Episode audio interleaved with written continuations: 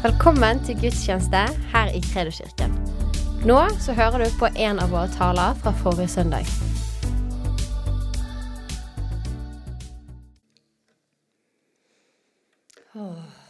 Så godt å være sammen. Hvilket privilegium! Tusen takk, Awesome Worship Team. Er ikke vi heldige da som har den gjengen som bare kan bang, rett inn? Vi er så heldige. Vi har så mye å være takknemlig for. Jeg har én ting jeg er supertakknemlig for. Og det er at Lene Cecilie og jeg Det er veldig sånn klang her nå. Det er kanskje har jeg Ja. Det er litt høyt, sier noen her. Det er litt klang. Det er litt rart for meg å snakke. Jeg har bare snakk, du, sier Per Ove. Tusen takk, Per Ove. Men jeg er veldig takknemlig. Len Cecilie og jeg, vi dro til Lofoten for et par uker siden. Vi hadde, jeg vil si for min egen del, uh, min beste naturopplevelse ever. Jeg er så full i sjelen. Jeg er bare så metta. For vi hadde alt. Fra hagl til snø, til sol, til sky. Og det var fjeller opp, og det var fjeller ned. Har vært, er det noen som har vært i Lofoten? Ja. Dere som ikke har vært der G, Du er fra Lofoten, ja? Hva gjør du her, madam? Det må bare være Herren som har kalt deg hit. Tusen takk for din villighet. Ditt hjerte. Ja. Nei, det var helt rått. Rått deilig.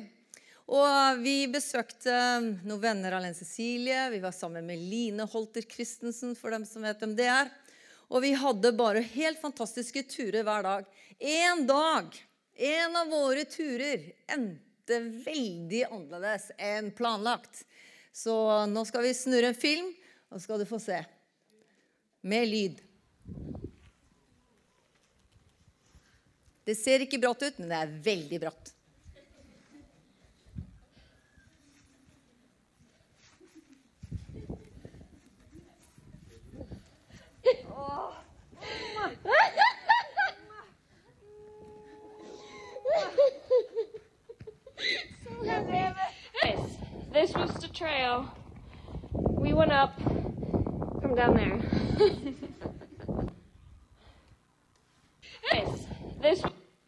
Var Anniken på toppen der. Når vi kom på toppen, Lene Cecilie og jeg, vi hadde adrenalin opp i hårtuppene. Vi var bare helt høye og bare spiste Kvikk Lunsj og bare wow, se på viewen, liksom. Vi var helt der, vet du. Og så glad for at vi levde. Men vi var tre stykker. Det var Anniken, det var Lene Cecilie, og det var meg. Og vi var på vei til samme topp. Men vår opplevelse av turen ble veldig annerledes. Jeg, som dere ser, jeg klora meg fast med alt jeg hadde, med tenner nesten. altså Tærne, hender. Jeg ga ikke slipp på en sånn gresstust. Jeg var livredd for å ramle ned. Det var, altså det ser ikke brått ut, men det var sånn, altså. Ikke sant? Og jeg begynte å tenke Tenk om jeg bare slipper litt tak nå, så kommer jeg til å bare rulle ned. Og, og Lene vil ikke ha mamma lenger, og jeg vil være hjemme. Og jeg så for meg Lene Cecilie, jeg så for meg Anniken bare rulle, fly ned, liksom. Og det bare gikk i hodet mitt, og jeg ble stivere og stivere. Og Nesten panikkfølelse hadde jeg. Og så tenkte jeg at hva om nå? Vi klatrer opp og kommer helt på toppen. Og så er det bare rett ned på andre siden. Vi kommer ikke til å gå ned samme vei. Det kommer ikke til å gå. Så jeg, jeg tenkte Erik, jeg håper du har betalt forsikringa for helikoptertjenesten. For dette kan eh, være dagen vi får brukt for den. Og jeg bare, Alt bare surra. Jeg må konsentrere meg for å ikke tenke på alt som kan skje. Lene Cecilie hun er lett og ledig, men også holder seg fast. Men hun er mer bekymret for meg. Går det bra med mamma? Og plutselig var jeg borte under en knaus. Hun har ramla ned. Men så pop, så dukka jeg opp igjen. Og så var hun glad. Men hun drev og fokuserte nedover hele tida og kjente at å, fy søren, her er det bratt. Her skal vi ikke ned. Og Anniken derimot, hun som dere så på filmen, hun feis jo bare oppover. Som ei geit oppover her. Vi var tre stykker på vei til samme mål, men våre opplevelser av turen ble veldig forskjellige. Hvorfor? Anniken hadde vært på denne turen før. Hun visste at når jeg kommer opp på toppen, så er det et platå. Det er sti som vi kan gå ned igjen. Det hadde hun glemt å si til oss. Så Cecilie og jeg vi bare gikk der og bare angst oppi her og tenkte det verste. Det som hun skulle ha gjort, selvfølgelig, det var jo å formidle beskjed nedover. Hallo! Det går bra! Det er plattform, eller platå her oppe. Det går fint. Det er en sti der oppe. Det hadde gjort for hele turen for oss alle veldig annerledes. Men fordi vår fokus var bare panikk og kommer vi opp, og hva skjer, og hva skjer med mamma, hva skjer med Lene Cecilie? Mens Anniken, hun bare visste når jeg kommer opp, så er all is well. Anniken hadde det indre bildet av hvordan dere ville se ut. Anniken visste at når jeg kommer opp, så vil alt bli annerledes. Og du vet, sånn er det i, i våre liv også, ikke sant? Og Derfor er det så viktig at jeg minner meg sjøl på i utfordringen, når du bare henger der, at du minner deg selv på Gud har vært trofast. Gud har vært trofast der. Gud hjalp oss der. Gud kom igjennom der. Og da blir turen opp veldig annerledes, for du vet the end.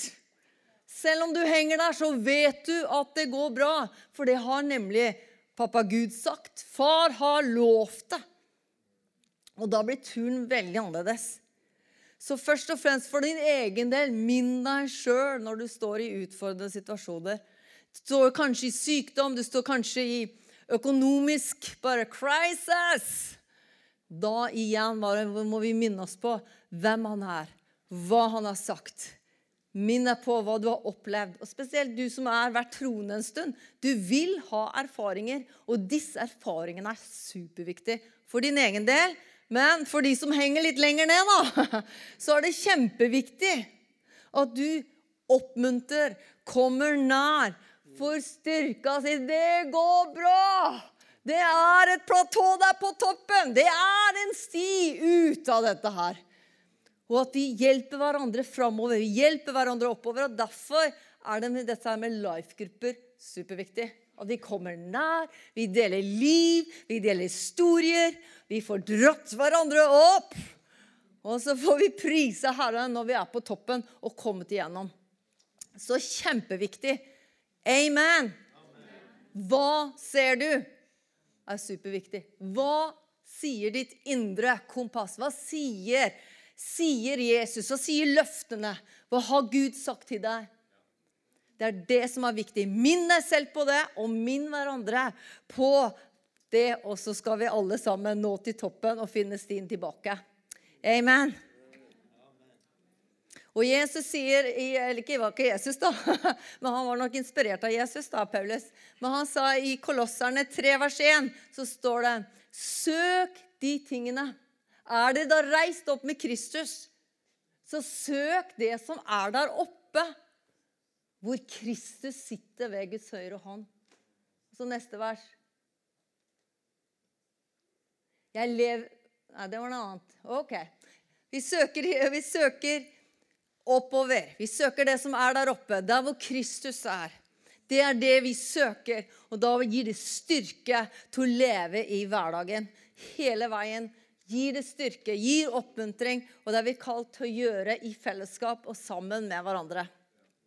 Så nå har jeg den store ære, den store glede, av å presentere denne flotte herremannen her. Erik Tronderud, velkommen.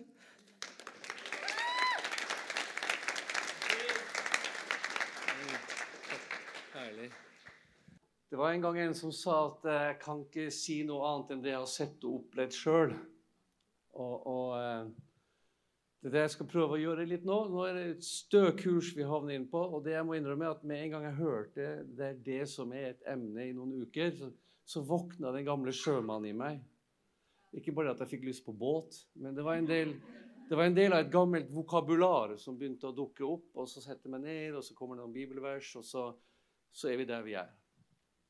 Eh, men det aller viktigste først, som Kjersti òg har sagt, er at da Jesus ga sitt liv på korset for oss, så fikk vi egentlig alt det vi trenger.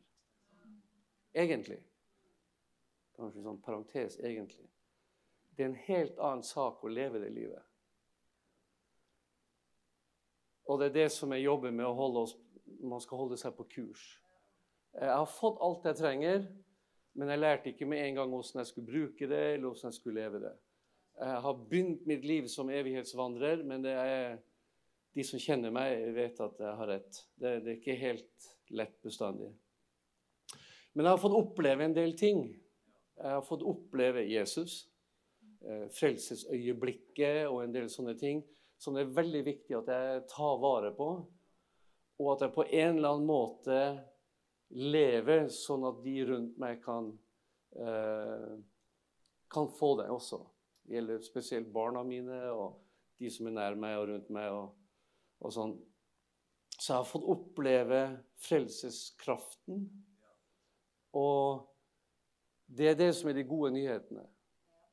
Så I tillegg så er det en del annen informasjon underveis. Når, når du har vært frelst i noen dager, så begynner det plutselig å dukke opp noen andre ting. og annen informasjon og andre ting han sier vi skal gjøre. Men jeg har fått noe som er viktig for meg å ta vare på, for familien, men også for det han har plassert meg inn i etter at jeg ble kristen, og det er hans menighet. Den menigheten som han ga sitt liv for, og som, har, som også brukes som et eksempel på ekteskapet. Sånn som Jesus ga sitt liv for menigheten, sånn skal mannen være villig til å gi sitt liv for sin hustru. Da er det ikke, det er ikke så vanskelig å være da, da, er det ikke så vanskelig å gjøre som mannen sier. Ja, ok. Liksom ikke, ikke den tøffe jobben. Men vi har, vi har, et oppdrag, faktisk. Det er ikke bare å halleluja, nå er jeg frelst, og nå er livet herlig. Eh, hva skal jeg gjøre nå? Vi har et oppdrag. Og som Olav har sagt mye i det siste i vinter og utover våren, er at innenfor det oppdraget vi har, så har vi også flere oppgaver. Det er to forskjellige ting. Det kommer små og store oppgaver underveis, og det kommer drømmer visjoner og åpenbaringer. Og jeg kan ikke fordra å høre lyden min, stemmen min. Så bær over med meg hvis jeg sier Hvem var det? Ja. Um, det, det, er viktig å, det er viktig for oss å tro at når vi er frelst og har forstått eh, misjonsbefaling og en del sånne ting, så er det mer. Gud taler i syner, visjoner og drømmer og rema-ord, og han bekrefter det gjennom andre rundt oss. Ok? Men da jeg var en helt ny eh, kristen, så fikk jeg en instruks. Det, det, bare ble så klart for meg. Eh, gå ut på gata og forkynne evangeliet. Gå ut på gater og streder. Forkynne evangeliet. Del med andre de gode nyhetene om det du har opplevd. Det var en instruks. Jeg hadde ikke begynt å gå i en menighet engang. Det var ingen mennesker som fortalte meg de første tingene eh, hva jeg måtte gjøre. Gå ut i all verden, gå på gater og steder. Inviter til bryllup. Det var sånne ting som kom til meg hele tida. Inviter til bryllup. Og for de som vil ha teksten, og jeg tror ikke jeg har tid til å lese alt på veggen, så jeg bare nevner det Matteus 28, 19 og Markus 16, 15 ligger under det. Og så vært kristen noen uker. Vær menneskefisker. Følg meg, så skal jeg gjøre deg til menneskefisker. Og hva gjorde Erik da? Gikk ut på gater og streder og begynte å fiske. Fikk jeg napp hver gang? Nei. Slutta jeg å fiske? Nei. Sånn går nå dagene. Vi, vi slutter ikke med noe for det om vi ikke får det til å virke første gangen.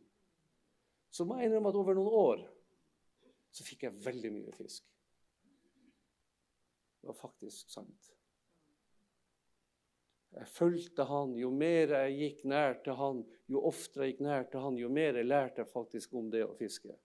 Det ble faktisk fisk. Og det her er, Jeg aner ikke hvordan dere har det, men til å begynne med så dette de tingene som Gud ga meg. Det var liksom ikke bare 'Å, stakkars Erik fra, fra en broken family' og uh, blakk og fæl og havna på kjøret og 'stakkars Erik, Nå skal jeg kose med deg i en halv evighet, så blir det nok bra. Dette her er sånne ting som bare plutselig ramla ned i mitt hjerte med en gang jeg var en ny kristen.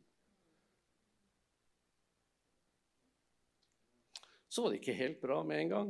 Det er noe en annen sak. Men jeg begynte på de tinga. Få høre litt mer om det litt lenger ned på det arket. Jeg må bruke Så jeg slipper å ha det forstørrelsesglasset. Ja. Um, dette er ting som Gud viste meg. Og jeg gikk ut på gata i Oslo og sto der i elleve år og forkynte evangeliet. Med nærmeste søppeldunk eh, eller sånn Dagblad, VG, boks. Det var min prekestol. Nytt hjørne annenhver dag for å forvirre fienden, men det var stort sett på horestrøk i Oslo. Og dette gjorde jeg helt til Gud sa nå skal vi dra til Filippinene. Nå skal vi dra til Asia. Og så fortsatte vi med det samme i 18 år. Det er oppdraget vårt. Å gå ut på gater og streder, forkynne evangeliet, være menneskefisker, være en ambassadør for Kristus. Eh, alt dette andre her, det er oppgaver og bygninger. Når, jeg har fått lest på det med å være ambassadør for Kristus, så står det et sted at det er som om vi på pappas vegne trygler vårt medmenneske om å forsone seg igjen med pappa. Er det noen her som trenger å forsone seg med sin far eller bror, eller noe sånt, så vet man hva man snakker om. Det er det å være en ambassadør og representere samtidig. Og så kom en lang periode hvor jeg prøvde å være en god ambassadør uten å lykkes bestandig. Men det er, det er inn under oppdraget vårt. Jeg holder på med en kafé her for tida. Det er ikke oppdraget mitt. Det er en av oppgavene. Det er et prosjekt som jeg tror skal være til veldig nytte for menigheten og for å få, at folk kan kunne komme og bli kjent med oss og ta imot Jesus. Men det er ikke oppdraget. Selv om jeg kan være intenst opptatt av kaffe og sånne ting. Så det som har vært min greie og her, Vi skal fremdeles inn på det med kursen. Jeg har gjort det som Gud viste meg i begynnelsen, hele tida. Det er det det dreier seg om for meg. Og så har jeg havna i koronatiden. og Det er jo for en gammel sjømann som må ligge ett år på slipp. Ligge i, på et skipsverft og på slippen i ett år. Det kan være frustrerende. Men jeg vet hva jeg tror? Dette siste året for å bruke sjømannsspråket, så har vi ligget på slippen, og vi utrustes til et veldig heftig oppdrag. Hvis vi i hele tatt sier vi tror, så tror vi på hele Skriften. Og jeg vet at jo sykere det blir ute i denne verden, så kan man mene hva man vil om det som skjer akkurat nå, men jo sykere det blir, jo mer viktig er det at Guds menighet gjør det den skal. Vi utrustes, vi istandsettes, vi forberedes og vi testes. Det er det man gjør når man ligger på slipp. Og kanskje armeres litt sånn forskjellig. Um, så sånn har jeg valgt å se på koronatiden. Jeg takker ikke Gud for korona, men det virker som om det hele faktisk for meg personlig har vært til min fordel. Jeg har fått tid til å justere en del ting. Masse tid. Vi har hatt så mye tid det siste året at for noen er det på tide å komme ut av koronabobla si. Komfortsonen. Vi har blitt veldig komfortable. Så plutselig begynte Gud å vise meg noe annet. Ehm, jeg var på gater og streder. Passer veldig bra for en som jeg kalte for Rasmus som liten. Jeg var høyt og lavt og overalt og, og var ute på misjon. Vi, vi, bodde i en by. Ja, vi måtte jo ha en adresse. Vi hadde jo småbarn. Eh, men vi var rundt omkring overalt i Asia og hjalp til med forskjellige ting. Så sier Gud um, Vær solid forankra i mitt hus. Gud, pappa vet hvordan han skal snakke med barna sine. Han brukte ordet forankring. Uh, jeg har tre barn, og jeg kan si det samme til dem, men jeg må kanskje si det på forskjellig måte.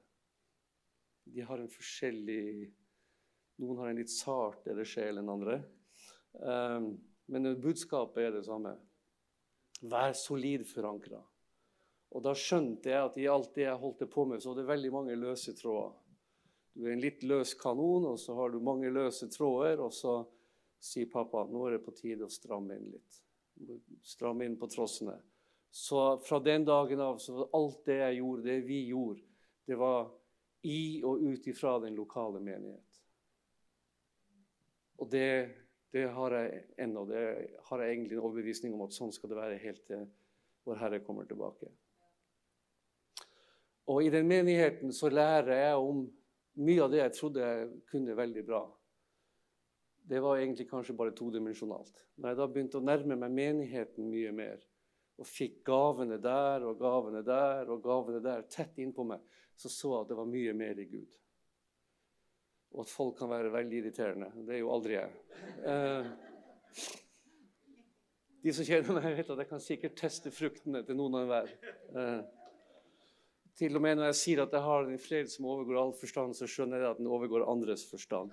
Men det er noe av det med å være i menigheten som gjør at jeg får alle dimensjonene. Og, og ting blir litt sånn justert.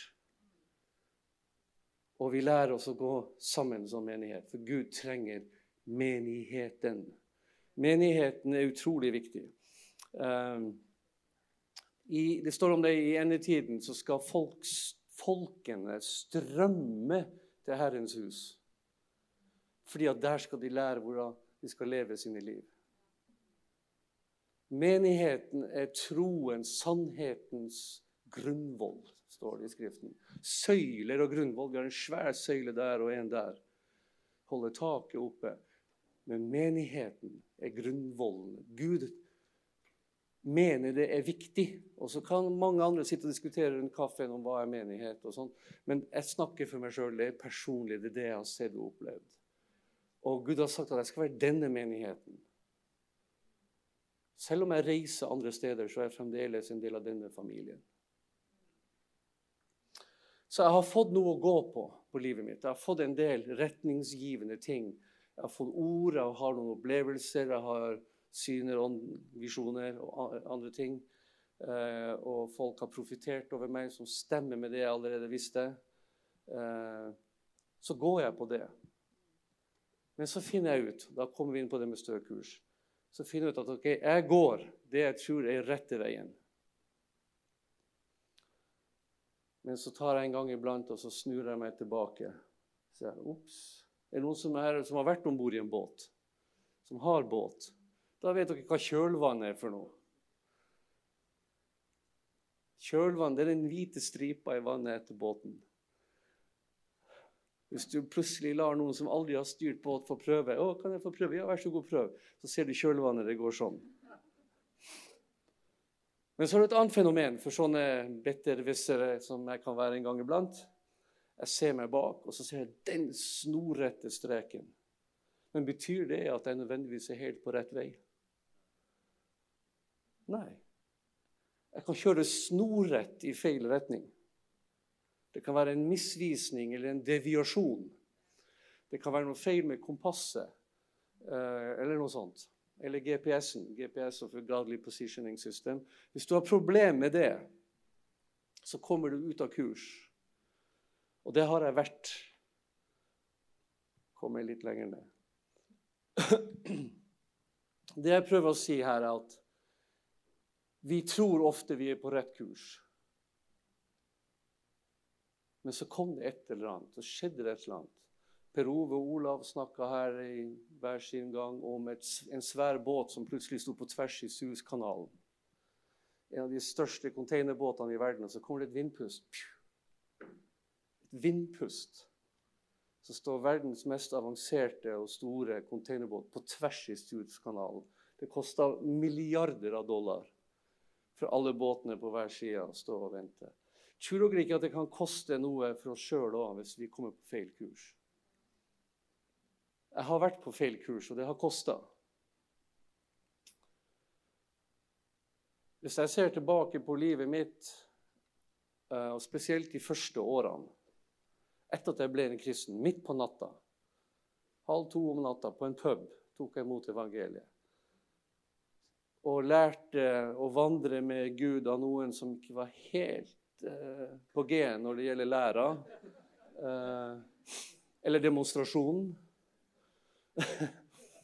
Så hvis jeg da ser på de syv første årene mine, så var det som en sånn eh, dobbeltsydd sikksakkstrøm.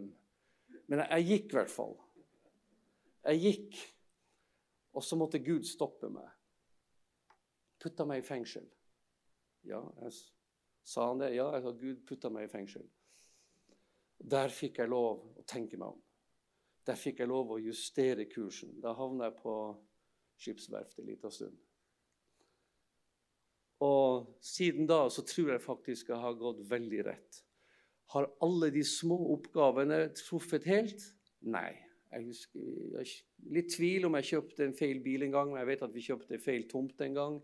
Men kursen, retningen på livet, har hele tida vært konstant i forhold til det Gud har vist oss. Vi vet hva Gud vil vi skal gjøre. Forstår jeg hvert eneste skritt? Nei, langt derifra men jeg vet hvor jeg skal. Og da vet jeg at når jeg skal krysse det landskapet eller det havområdet, så må jeg ha fokus på horisonten, på målet. Så skjer det masse sure ting underveis, men det gjør du på havet. Plutselig så blåser det, og så kommer det en svær bølge, og så kommer det en idiot som krysser, som ikke kan sjøvettsreglene eller eh, et eller annet. Eller så ligger det et vrak i veien der. ikke sant? En eller annen som sitter oppe på kjølen og vinker og sier ha det. Da. Eller du prøver å hjelpe. En, noen vil prøve å hjelpe. Men det jeg har lært, er én ting. Det kommer problemer. Garantert. Det kommer hindringer, det kommer stormer, det kommer bølger. Det er bare å lese avisen. Var til og med koronabølger. Filippinerne 4,13 sier at 'alt klarer jeg i Han som gjør meg sterk'. Det er lett å si. Men i The Passion det er for de som kan litt engelsk, skal jeg prøve. The Passion Translation, der står det I know what it means to lack. Jeg vet hva det vil si å mangle. I know what it means to experience overwhelming abundance. Jeg vet hva det betyr, hvordan det er å ha mer enn nok. Fordi jeg er trent i I am trained in the secret of overcoming, overcoming all things, whether in fullness or in hunger. Faktisk så stemmer det for meg. Jeg har vært rik, jeg har vært blakk som ei kirkerotte. Og til og med før jeg begynte å gå i kirka, var jeg blakk som ei rotte. Eh, jeg har hatt masse før jeg ble kristen, og etter at jeg ble kristen. Og jeg har hatt ingenting. Jeg har i perioder vært nesten kronisk blakk. Så Gud har trent meg hvis jeg velger å se positivt på ting. Gud trener oss. Hallo! Vi skal leve i en evighet. Den begynner ikke når jeg dauer. Den begynte når jeg tok imot Jesus. Jeg begynner å lære å vandre som regentsønn det øyeblikket jeg tar imot Jesus. We are a royal priesthood. Står det det? Dere er flinke i engelsk. And I find the strength of Christ's explosive power. It infuses me to conquer every difficulty. Sånn vil Gud at vi skal leve mens oppdraget pågår. Hallo, Halleluja. Ah. Det står i en annen oversettelse, The Message, i learn by now to be quite content.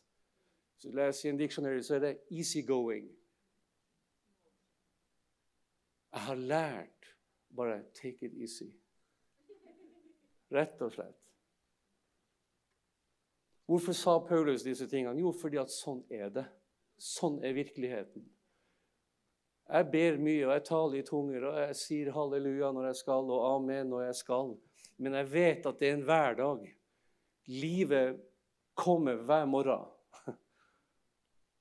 Og Paulus han visste det, han, han skjønte det. At alt klarer vi Han som gjør oss sterke.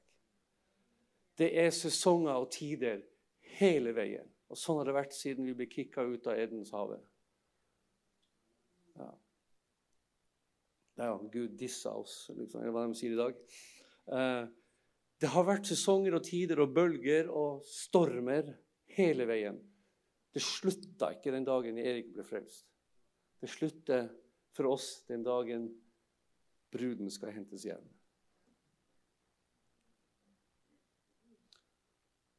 Amen. Ja. Tror dere på det? Det med bruden og det der? Ja, halleluja. Trosmenighet. Det står um,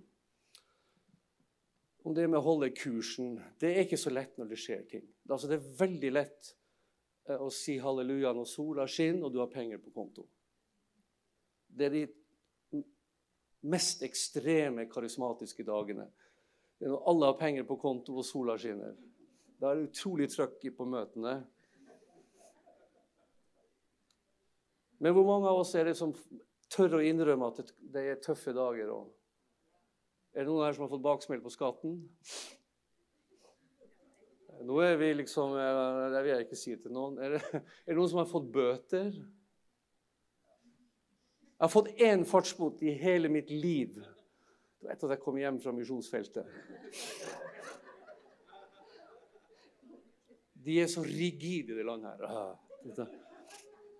Uh, ting skjer. uh, men så står det her i 2. Timoteus 3,1.: Men dette skal du vite, at i de siste dager skal det komme farlige tider. Vanskelige tider. For noen er det bare vanskelig, ja. noen er det utfordrende, for andre er det farlig. På, på, på, engelsk så snakkes det om 'perilous times'. Uh, det står uh, engelsk her igjen You need to be aware that in the final days Jeg liker det som finale. Er det noen fotballfolk her? Finale. In the final days, the culture of society will become extremely fierce. Destructive and aggressive. Jeg vet ikke om dere hører på nyhetene leser aviser eller følger med på YouTube. Men det er litt av det som man opplever utafor kirkeveggene. I Norge og andre land. Men vi snakker ikke om det. Hvis man ikke snakker om krigen, så blir det litt lettere å håndtere krig. Et eh, gammelt ordtak. Må jeg lande, sier Kjersti. Før så gjorde hun sånn. Hvor lang tid igjen? Det skulle du gjøre for fem minutter siden. Det kommer tøffe tider. Det kommer tøffe tider. Så vær ikke overraska når ting skjer. Og hvis du lurer på om du er litt ute av kurs pga. de valgene du har tatt Hvis du lurer på er jeg på rett vei, så kanskje du skal ta en liten titt bakover. Det vil si, du ser på historien din. Du ser på hva som har skjedd de siste ti årene. Du, du, du sjekker kjølvannet. Eh, eh, og så er du ydmyk overfor Gud. og sier, Er det noe du har prøvd å vise meg i Bibelen? Er det noe du har prøvd å fortelle meg gjennom andre? Hvor må jeg justere kursen hen? Så jeg slipper å dra i fengsel sånn som Erik. Så jeg slipper å gå noen veldig dyre, veldig lange omveier. Sånn at jeg plutselig er nesten hundgammel før jeg får begynt på å gjøre det jeg egentlig skal gjøre. Så Lær av dine egne feil. Juster kursen. Ja. De som syns det her ble veldig brått avbrudd, de kan få notatet. Halleluja. Ta en titt bakover. Sjekk. Og ikke vær redd for å be om hjelp. Uansett hva den feilen er. Mange har grove, ekstreme feil. Noen har bare små ting. Og, og min feil var rimelig grov. Ellers hadde jeg ikke havna i fengsel. Men fortvil ikke, Gud vil være med å hjelpe til. Han er mer enn villig til å hjelpe den som ber. Det står i Jakob 1,5. Dersom noen ikke forstår hvordan han skal klare dette, må han be til Gud. Da skal Gud gi ham forstand. Gud er villig til å gi visdom til alle. Han blir ikke sint om du spør om hjelp. Greia er at du må være ærlig med Gud. Du sier at Gud, nå skjønner jeg at jeg faktisk har problem med det og det og det og det. Innrøm det innenfor Gud. Bekjenn det innenfor Gud. Vær ærlig med deg sjøl, og Gud i hvert fall. Ikke lyg så du tror det sjøl. Gud blir ikke sint om du ber om hjelp. Jeg har fått oppleve det. Og kommer sikkert Tusen takk for at du lyttet. Følg oss gjerne på Instagram og Facebook, og så snakkes vi neste uke.